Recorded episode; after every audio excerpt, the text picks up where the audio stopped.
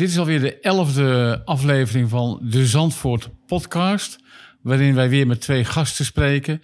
De eerste is Gerardo, bekend van het VVV, die uh, vertelt over de huidige situatie en activiteiten van de Amsterdamse waterleidingduinen. Daarna hebben we een leuk gesprek met Jan Wim Stals. En hij is voorzitter van de HARK. Dat is de historische autorenclub. Veel plezier weer. Zandvoort is een badplaats in de Nederlandse provincie Noord-Holland. De plaats leeft van het toerisme en is bekend van het Formule 1-circuit. Maar Zandvoort heeft nog veel meer te bieden, zoals natuur, sport, kunst en cultuur. Dit is de Zandvoort Podcast. We zitten allemaal tegenover Gerardo. In een vorige aflevering heeft hij ons uitgebreid verteld over het ontstaansgeschiedenis van de Amsterdamse waterleidingduinen. Dat was voor mij uh, een openbaring, van het wist ik allemaal niet, dat is heel interessant. Uh, in deze tweede, uh, in dit, dit, tweede gesprek gaan we het hebben over de Amsterdamse waterleidingduinen nu. En dat gezien in het kader van jouw werk, want jij, of werk, is eigenlijk een hobby natuurlijk. Maar namens de VVV verzorg jij rondleidingen aan mensen in de Amsterdamse waterleidingduinen. En daar kun jij uh, alles over vertellen, wat er te doen is, wat er te zien is. Gerardo, aan jou andermaal het woord. Dank wel. Ja, uh, iedereen moet een keertje naar die Amsterdamse waterleidingduinen toe. Uh, en dat gebeurt ook, want in deze tijd dat, dat er weinig uh, gelegenheid is om uit te gaan, dan gaan er ontzettend veel mensen het duin in. Um, en ze gaan toch ook wel een beetje ontdekken wat er allemaal te zien is. Uh, we hebben het al even over die herten gehad. Er leven dus uh, ontzettend veel damherten. Op dit moment ongeveer 2600, wat uh, ik als laatste getal heb gehoord. Want een aantal jaren terug zijn ze dus bezig, begonnen met afschot. Want jarenlang was er verzet tegen jacht, want dat vond men zielig dat dat op grootschalige wijze afschot uh, plaats zou vinden. Maar er werden toch ook pillen gegeven om ervoor te zorgen dat ze geen nakomelingen meer konden dat, maken? Dat, dat, dat, werkt niet? Dat werkt bij mensen wel, maar bij, bij dieren werkt dat niet. Die, die vreten dat niet? Nee, precies. Die, uh, die vreten ah. liever andere dingen ja, Maar voorheen werd het altijd gereguleerd, het hertenbestand. En het is toen uh, door de politiek in Amsterdam bepaald dat het niet meer mocht. Ik denk een linkse richting. En het heeft jarenlang geduurd. maar nu sinds een aantal jaar wordt er weer afschot gedaan. Ja. En helpt dat? Uh, helpt dat? De, de, aantallen gaan wel uh, naar beneden. Maar men wil dus terug naar ongeveer 800 herten in het gebied. en we zitten nu op ongeveer 6, 2700. En er worden elk jaar worden er honderden afgeschoten. Maar, maar er komen er ook een paar bij. Er komen elk jaar ook weer een, een aantal bij. het is dus net de natuur. Ja, dus dat is een kwestie van lange adem natuurlijk. Um, maar het feit is dat uh, men jarenlang heeft nagelaten om iets aan regulering uh, te doen. Uh, men... Die achterstand goed maken is nu de uitdaging. Precies, dat, ja. dat is nou een grote uitdaging. En ja, daar gaat, daar gaat natuurlijk heel veel jaren overheen. Maar de herten zijn ook een attractie voor Zandvoort. Wat jij zegt, het is heel druk in de duinen. En mensen vinden het geweldig om een hert uh, te, op de foto te zetten bijvoorbeeld. Want uh, dat is hartstikke leuk. Maar bijvoorbeeld ook uh, toeristen die uh, herten in het dorp zien lopen. Die, die zijn daar vol, vertellen daar vol vuur over. Ja, dat ze iets bijzonders hebben meegemaakt. Precies, die zitten in een tuintje bij Centerparks of waar dan ook. En er komt ineens een, een troep herten langs. Nou, dat, dat maak je in uh, Duitsland uh, niet mee, uh, dat soort dingen. Hoogtepunt van de vakantie waarschijnlijk. Bijvoorbeeld. Ja, zeker. Maar um, ja, het is natuurlijk uit de hand gelopen. Ehm, maar ze gaan er van de AWD wel heel zorgvuldig mee om. De Amsterdamse waterleiding, ja. bedoel je, de AWD. Ja, ja die afschot die vindt dus plaats van november tot maart ongeveer. maar je merkt er eigenlijk niets van. Allereerst ehm, gaan ze natuurlijk het gebied vrijmaken van bezoekers, zodat er niemand meer in kan. en ze, schieten met geweren met geluiddemper. Net als in oude films, of gangsterfilms. maar je, je merkt er eigenlijk niks van. En Ehm, degene die dus die herten afschieten, boswachters worden daar speciaal voor opgeleid. En die moeten aan allerlei strenge ja, kwalificaties voldoen. Ze hebben ook allemaal een buddy, zodat ze hun verhaal en alles kwijt kunnen. Dus het ah, gebeurt wel heel zorgvuldig. Maar wat ik me afvroeg, je zei net, um, er mogen ieder jaar 100 worden afgeschoten. Ja, enkele honderden. Nou ja, maar dat is een aantal. Maar hoeveel jong spul komt erbij? Met andere woorden, dan kun je uitrekenen hoe lang we nog... Ja, dat is heel moeilijk uh, om, aan dat soort uh, gegevens te komen. Dat, dat, het is mij althans niet uh, gelukt. Oké. Ik krijg wel af en toe kan ik die cijfers dan inzien van... er zijn nog zoveel herten. Maar dan, dan weet je niet precies wat dan het verband is tussen afschot en wat er weer geboren is. En zijn het dan schattingen of is het dan echt één op één zijn ze geteld? Uh, ja, het is een bepaalde manier van tellen. Ja, ja. Dus het, uh, het is, een, een, uh, so, het is geen echte schatting, maar het is wel een, een bepaalde manier om... ja, om toch een betrouwbaar getal te krijgen. te bedrijven, okay. ja. Okay. Dus uh, ja, dat is heel apart natuurlijk. Uh, maar je, je merkt er dus in feite uh, niks van. Nee, je hoort nooit schoten in de duinen. nooit schoten of zo, nee. nee. Maar het is iedere keer nog wel een punt van discussie bij een aantal mensen. Dus hoe langer het duurt, die hele afschot, hoe langer die discussie in stand wordt gehouden. Dus en bij mensen kun je redelijk uitrekenen, mensen worden gemiddeld 80, dan kun je redelijk uitrekenen wanneer het op nul uitkomt. Maar dat is bij de herten dus een beetje lastig. Dat is, uh, ja, in de natuur is dat veel ja. uh, lastiger. Je kunt er nog wel tien jaar mee uh, geconfronteerd worden. zeker wel. En maar voor toerisme is het helemaal niet erg. Voor toerisme is het niet, niet erg, want het is een zaak van lange adem. En indirect voor jou als gids. Daarom. Het, het ja. houdt jou aan het werk. Het houdt mij aan het werk, want ja, ik doe daar graag rondleidingen. Bijvoorbeeld burrelwandelingen. Wat nou, wil je weten wat burrelen is? Vertel. ja. Uh, dat heb nou, je vast vaker uitgelegd. Ja, ik heb het vaker uitgelegd. Uh, de herten die raken dus in oktober, november uh, bronstig. Dan, dan, zijn ze ontvankelijk voor elkaar, laat ik het op die manier maar zeggen. Uh, en je hebt herenherten die graag achter de dames aan zitten. En die komen dan wel eens andere herenherten tegen. En dat vinden ze niet zo prettig. Dus dan ontstaan er wel eens gevechten. Het zijn net mensen. Het zijn wat dat betreft net mensen, maar wij burlen niet. En dat doen die herten dus wel. En dat is een heel typerend geluid wat je dan uh, kan horen. En dat is echt imponeergedrag. Uh, Kun je het nadoen? Uh, wil je dat echt? nee, laat daag je uit hoor. We monteren wel een stukje erin. Ja, absoluut. Maar de herten hebben er geen demping op zitten, want die hoor je wel uh, ja. in het dorp af en toe. Als het echt, maar trouwens, in onze lieren zit een bullend het. Hè? Dus als onze podcast begint, dan hebben we een lieren en daar is een bullend Inderdaad, over. verwijzen we daarheen. Reden te meer om ja. weer naar die lieren te Laat maar, laat maar, ja. Ga verder. Maar uh, uh, ja, het is imponeergedrag naar elkaar. En uh, ja, dan ontstaan de gevechten om de dames. En die kijken vaak van afstand re redelijk rustig toe. Een beetje meewarig kan je wel zeggen. waar maken ze zich druk om? Want uiteindelijk zijn het de dames dus die bepalen met... Uh, met welk uh, bokken er wordt uh, gepaard. Het is, het is net mensenwereld. Het lijken net mensen. Het zijn net mensen, hè? ja. Dus het kan, zo zijn, kan zomaar zijn dat uh, een, een, bok die van een paar anderen gewonnen heeft, dat hij totaal niet in de, in de, smaak valt bij de dames die er staan te kijken. En, dat is jammer. Uh, het is dan jammer voor hem. De, de, bok kijkt de andere kant op en ze gaan met de andere heren mee. Dus ja. dat kan zomaar voorkomen. Dat zijn ze toch gemeen, hè? Ja. Dat noemen wij in mensentaal een blauwtje lopen, geloof ik. Uh, ja. dat, dat, een soort blauwtje lopen, ja. ja. En uh, in de regel komen die uh, herten er wel ongeschonden vandaan.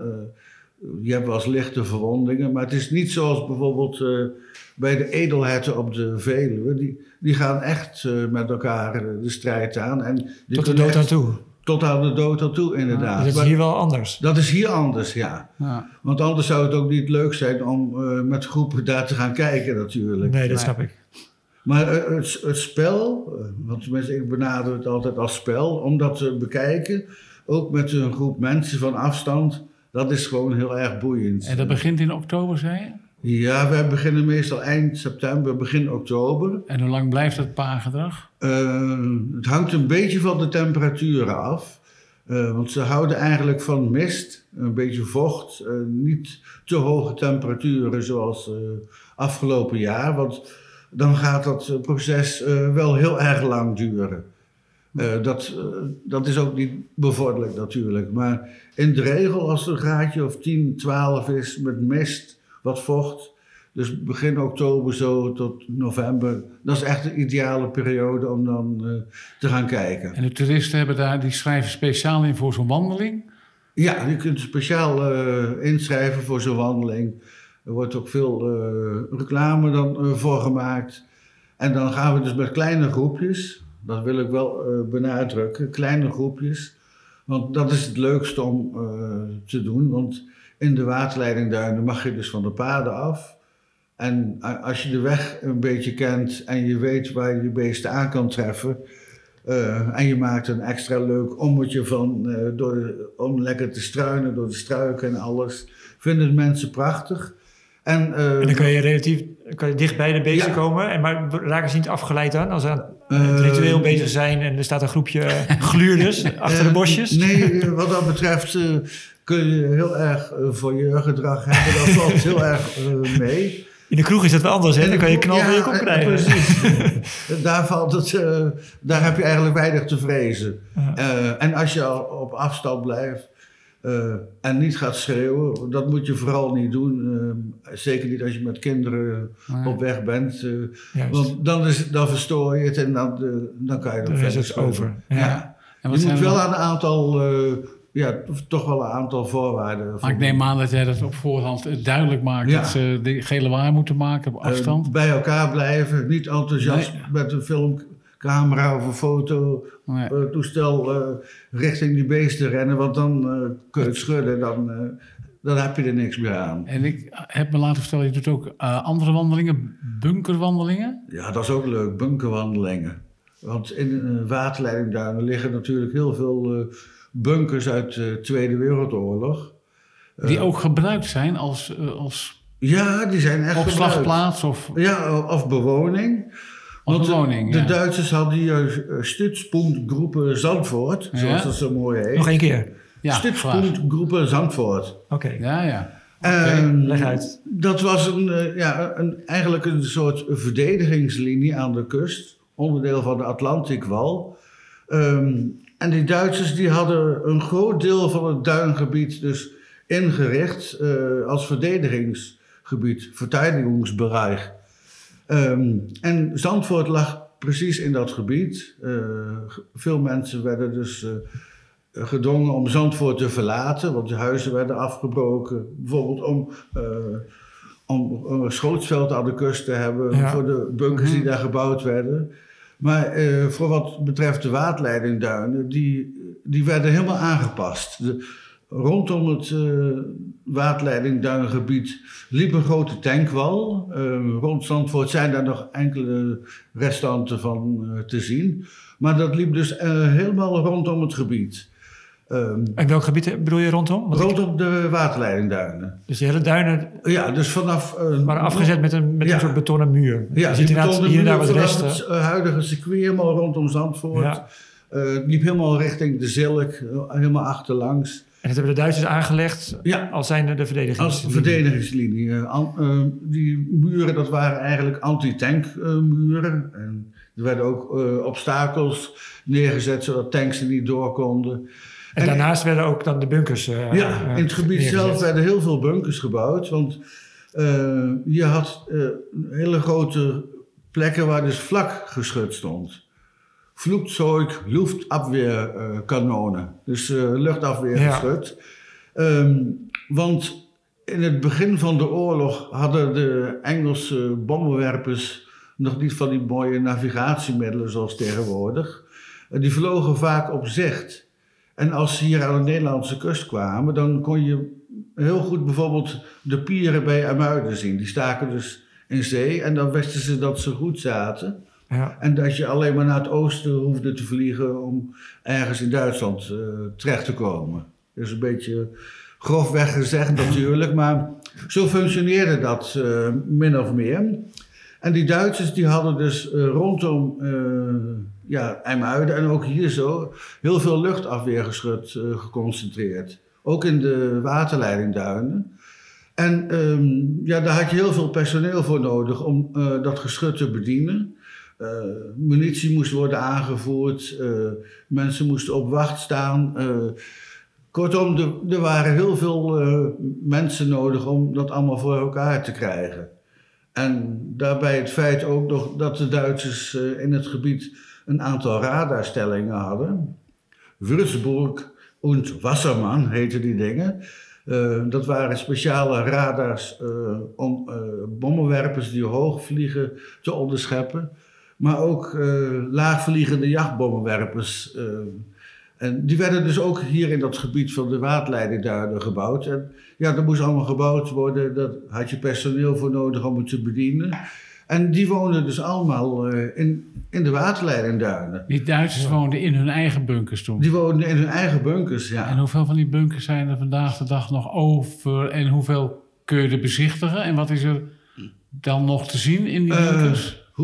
Er zijn ongeveer 250 bunkers in het waterleidingduingebied. Nu nog? Ja. Dat zijn er veel zeg. 250? Ja. Maar de meeste liggen verscholen onder het zand. Die, zijn, uh, die kun je helemaal niet zien. Nee. Die zijn begroeid en die eh, Precies. Na de oorlog wilde niemand daar iets meer mee van doen hebben. De uh, tijd van de oorlog moest, lag achter ons, die moest vergeten worden. Dus heel het, kan, het kan dus zijn dat in die bunkers die nu overwoekerd zijn, dat daar nog dingen zijn interieur, wapens? Uh, of is het allemaal legaal? Dat is allemaal wel legaal Maar er zou best nog wel uh, een bunker kunnen zijn waar je dus nog wel iets uh, in kan vinden. ik weet bijvoorbeeld van bunkers, die lagen dan in, in de Kennemerduin, in het Nationale Park, in de jaren...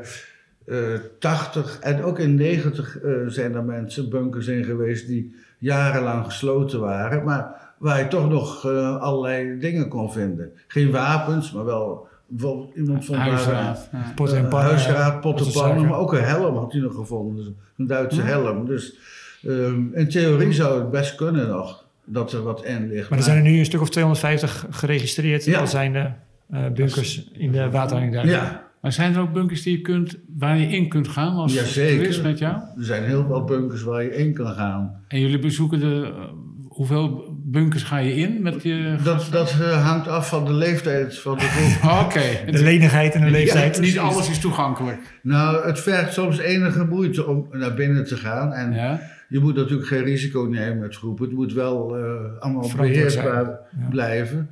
Maar er zijn inderdaad bunkers waar je redelijk makkelijk in kan gaan. En uh, wat kun je daar zien? Ja, niks. Nee, niks gewoon lege ruimte. Het zijn lege, loze ruimtes. Maar voor kinderen lijkt me dat een geweldige... Die vinden dat fantastisch. Ja, speeltuin. Ja. ja.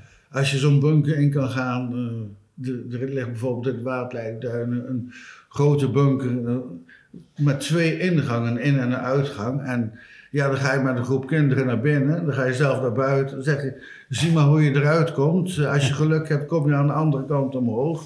Nou, dat vinden ze fantastisch. Ja, spannende ja. verhalen. Spannend, ja, met zaklantaarns en alles. Ja. Leuk. Mooi. Maar ook voor volwassenen is het, eh, ja, dat doe je natuurlijk andere dingen, maar um, dan vertel je ook andere dingen over het gebied zelf, uh, waarom die soldaten daar zaten en hoe ze daar leefden bijvoorbeeld. Uh, ja.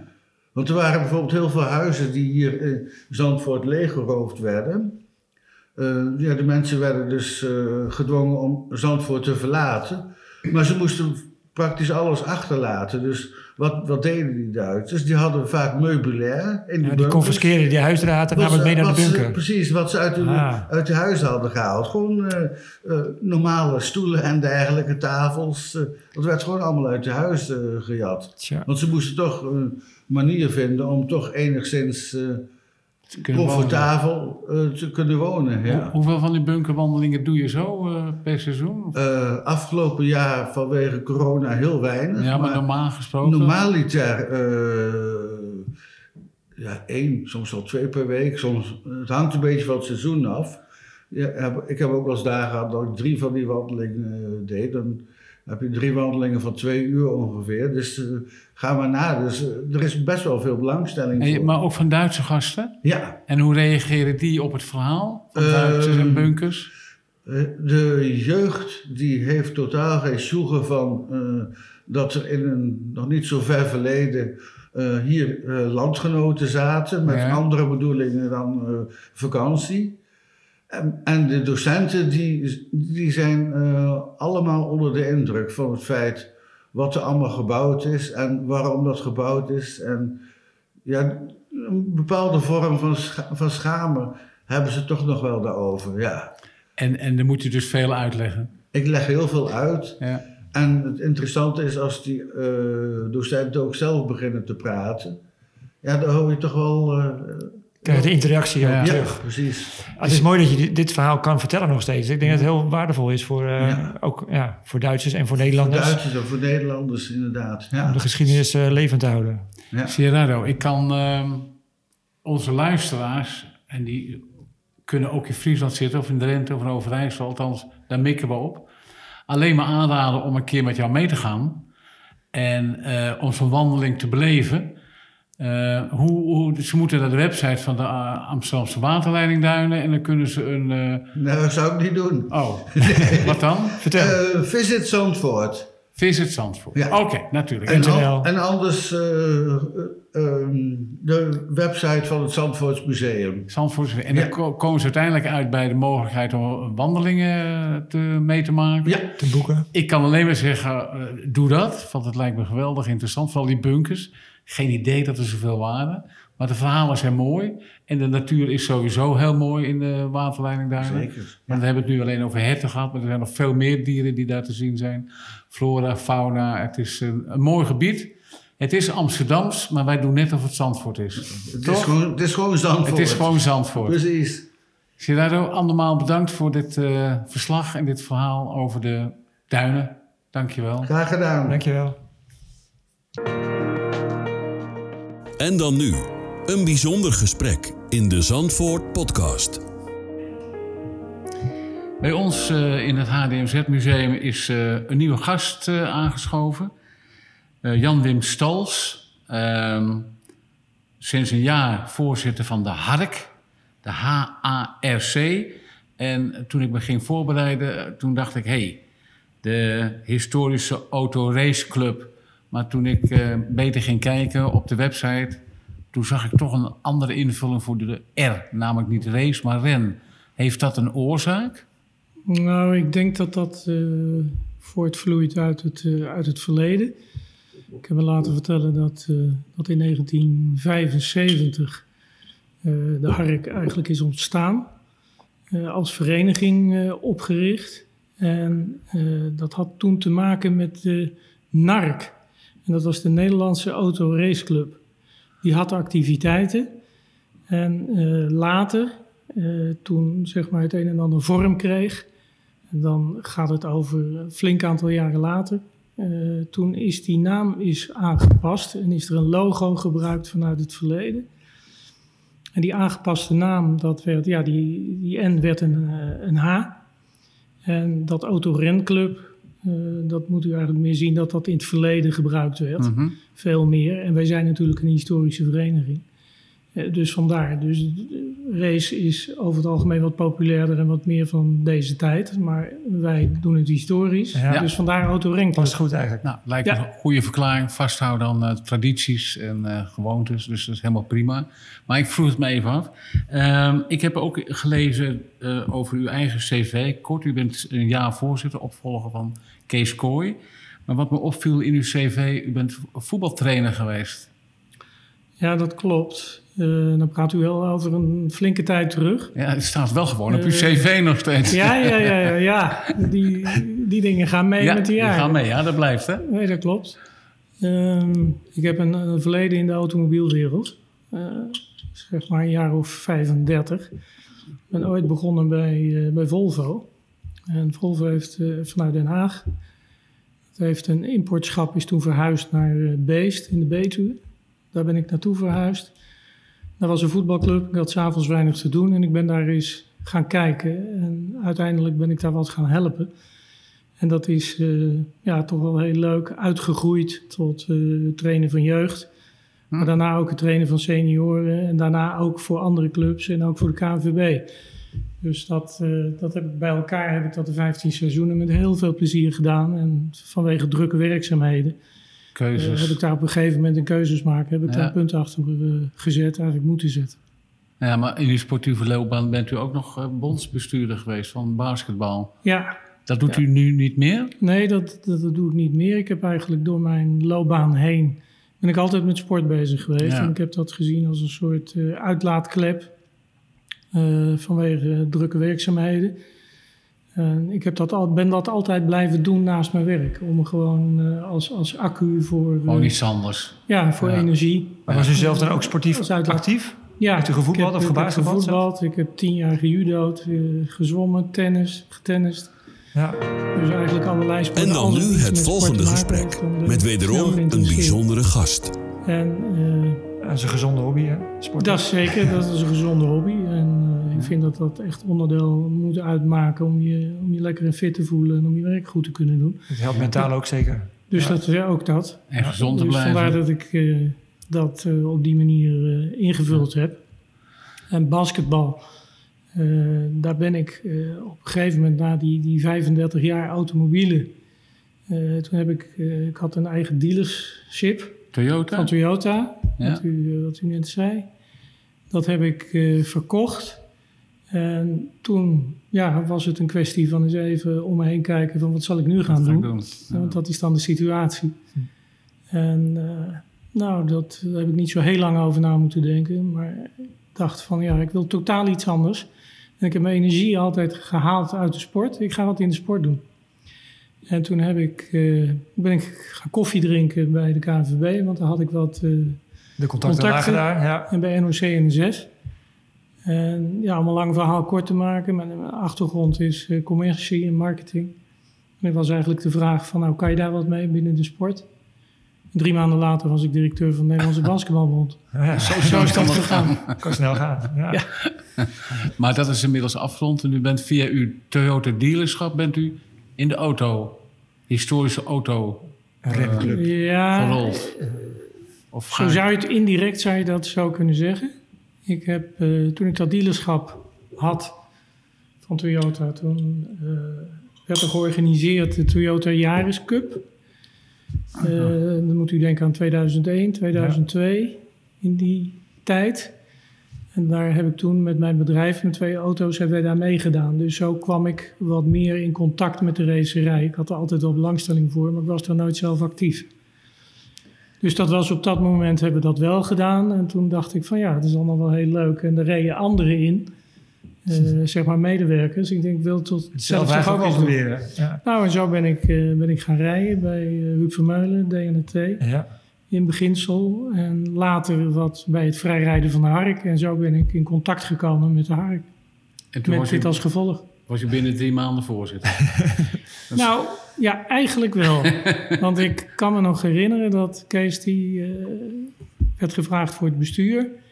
En nou, dat, dat leek me leuk, want besturen, sportbesturen is ook ja. een deel van mijn achtergrond. En ja. de sport ook. De, dus de sport ja, zelf actief doen. Van, dus dat kon ik daar prima combineren. En auto's was ook nog eens een keer natuurlijk hetgeen waar ik me lang mee bezig heb gehouden. Ik kan bijna zeggen dat alles samenkwam in deze, ja, deze rol. Ja, inderdaad. Dus ik heb daar niet zo lang over nagedacht. En nee. tegen Kees gezegd van nou, dat uh, lijkt me leuk om in dat bestuur te zitten. En inderdaad, na drie maanden vroeg hij van, zou je mij niet op kunnen volgen? Kees Kooi, heb ik begrepen, had het al ruim 30 jaar gedaan? Uh, nee, niet zo lang. Ah, uh, maar een jaar of, jaar of tien. En uh, ja, uh, tien jaar geleden uh, heb ik me laten vertellen dat met de Hark op dat moment ook wat op en af ging. En Kees die heeft toen met zijn bestuur de schouders eronder gezet. En er eigenlijk een prachtige vereniging van gemaakt, wat, ja. het, wat het nu is. Ja. En die heeft na tien jaar heeft hij gezegd van nou, het is genoeg. Dat is, dat is genoeg en nu iemand anders. Maar hij is nog wel actief geloof ik. Hij is, uh, als wij activiteiten hebben, is hij er. En wij spreken hem als bestuur ook uh, regelmatig. Ja. Dus, uh, ook kennis. Hij mengt zich daarin en dat is prima. Ja. Die mensen hebben er graag bij. Wat voor een auto, wat voor een historische auto rijdt u zelf? Ik rijd zelf een, een Toyota Starlet, waar mee gereden is in de Starlet Cup. Dus het is uit die tijd een van de weinige, zeg maar, die, die overgebleven is. En, en hoe oud is en welk jaar is dat dan? 1988. Okay. Dus ik, ik rij in de klasse dan van 82 tot 90. Het waren spectaculaire races altijd. Uh, het ja, er gebeurde ja, wel eens wat onderweg. Ja, dat, dat ze verloren inderdaad nog wel eens wat. Wat spiegels en bumpers en zo. Dat zijn de wat jongere historische auto's? Uh, ja. Wat, wanneer ben je een historische auto? Uh, een historische auto gaan wij vanuit, dan praat je over 25 jaar en ouder. En het is zo dat er eh, als je naar de historische auto's kijkt van na de oorlog waar we mee te maken hebben, dan, dan heb je een uh, groep tot 1965. Eh, de tweede groep is van 1966 tot 81. En de meest recente is van 82 tot 90. Daar rijd ik zelf in.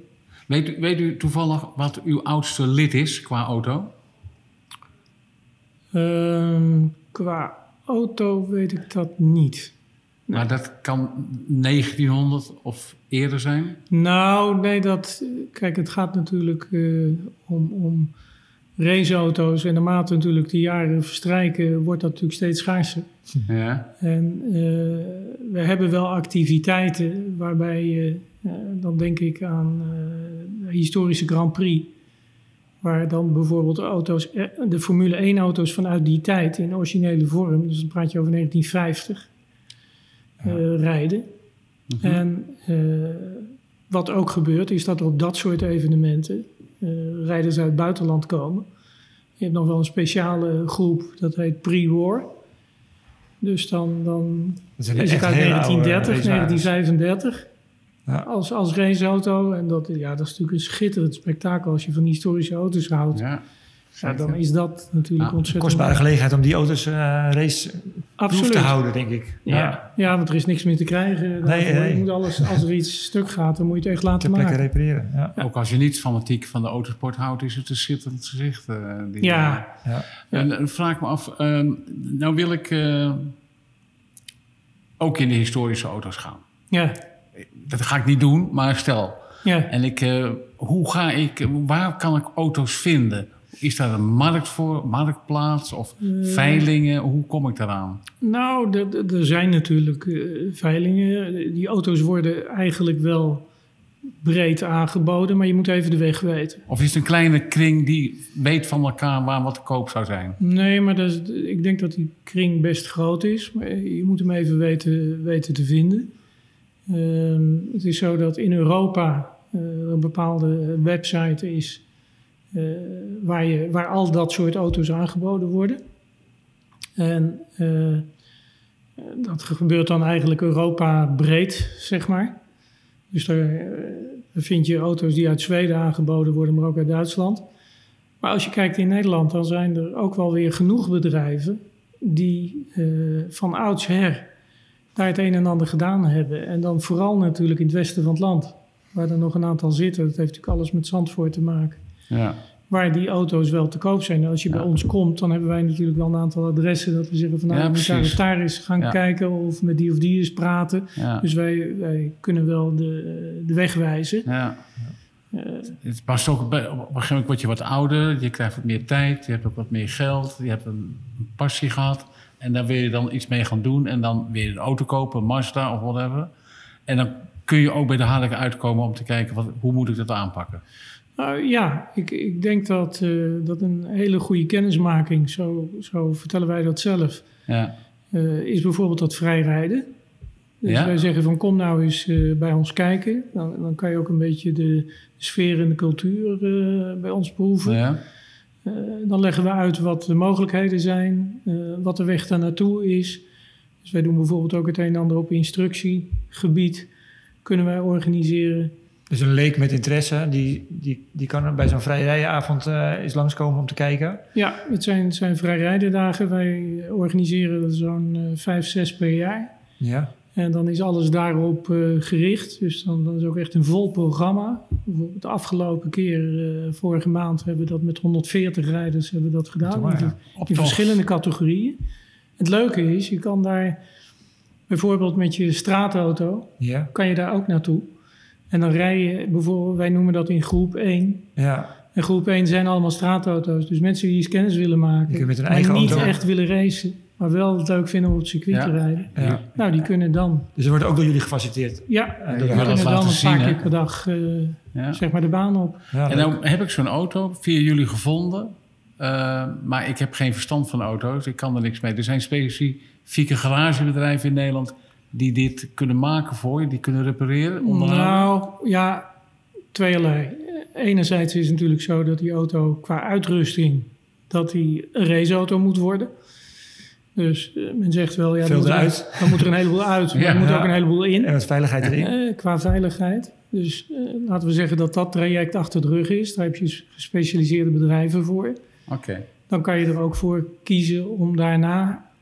eh, alhoewel er veel rijders zijn die een, een tweede hobby vinden om er zelf aan te sleutelen. Ja, precies. Ja. Maar je kan het ook uitbesteden. Dat heb ik zelf ook gedaan. En dan gaat het om afstelling van de auto. en Dan de gaat het om, en- om afstelling, om, banden, de kleine montage. de kneepjes van het vak. Ja. Ja. Wat diegene ja, gewoon eh, beheerst en goed mee op de hoogte is. Ja. En eh, ja, dat kan je dan uitbesteden. Dat kost inderdaad eh, kost dat geld. Ja. Maar eh, ik denk dat dat wel een prima manier is om, om te starten als je die achtergrond niet hebt. Ja. Een hobby mag geld kosten. Toch? Ja, Als je echt gepassioneerd bent over iets, dan. eh, Nou, de- wat doet de. eh, ik ken de Hark natuurlijk van de geweldige eh, shows die we hier eens in een jaar zien. De ja. Concours d'Elegance. We hebben een Grand Prix gehad in 2019 op Zandvoort. Eh, Die link met Zandvoort en de Hark is natuurlijk heel duidelijk. Ja. Welke evenementen organiseert de Hark zo in de loop der tijd nog meer? Nog even afgezien van het feit wat er dit jaar zou kunnen gebeuren of eh, juist niet. Ja, Maar ja. welke evenementen organiseert de Hark in het algemeen? Nou, belangrijk, eigenlijk zijn er twee, twee belangrijkste. Dat is de historische Zandvoort Trofee. Die wordt in eh, mei wordt die, eh, weer verreden. Dat wordt door de Hark eigenlijk al jaren ja, die bestaat gedaan. al heel lang inderdaad. Ja, en dat, dat is een belangrijke. In normale situatie eh, hebben we daar gelukkig ook veel publiek bij. Ja. Dus dat is, Ja, een, eh, dat is een heel eh, ook gezellig evenement waar veel mensen komen en waar je dicht bij de automobielen kan komen. Dat Ja, is natuurlijk ook kunt- wel iets. Het wordt niet afgeschermd. Nee, je praat vaak met de eigenaar van Ja, de auto, Of die erbij met, zit. eh, Ja. of met monteurs Ja. of, of wat dan ook. En dat is natuurlijk het leuke, want eh, niet iedereen die harklid is, die rijdt ook zelf. Maar Wat me opviel in die gesprekken die ik ook wel gehad heb met de mensen, dat ze allemaal vreselijk trots zijn op hun auto. Ja, wat je, wat je ziet eh, Dat is de bij heilige ons, koe. Je Dat mag, is een, ik- ze, ze nemen je mee naar een kasteel in Schotland.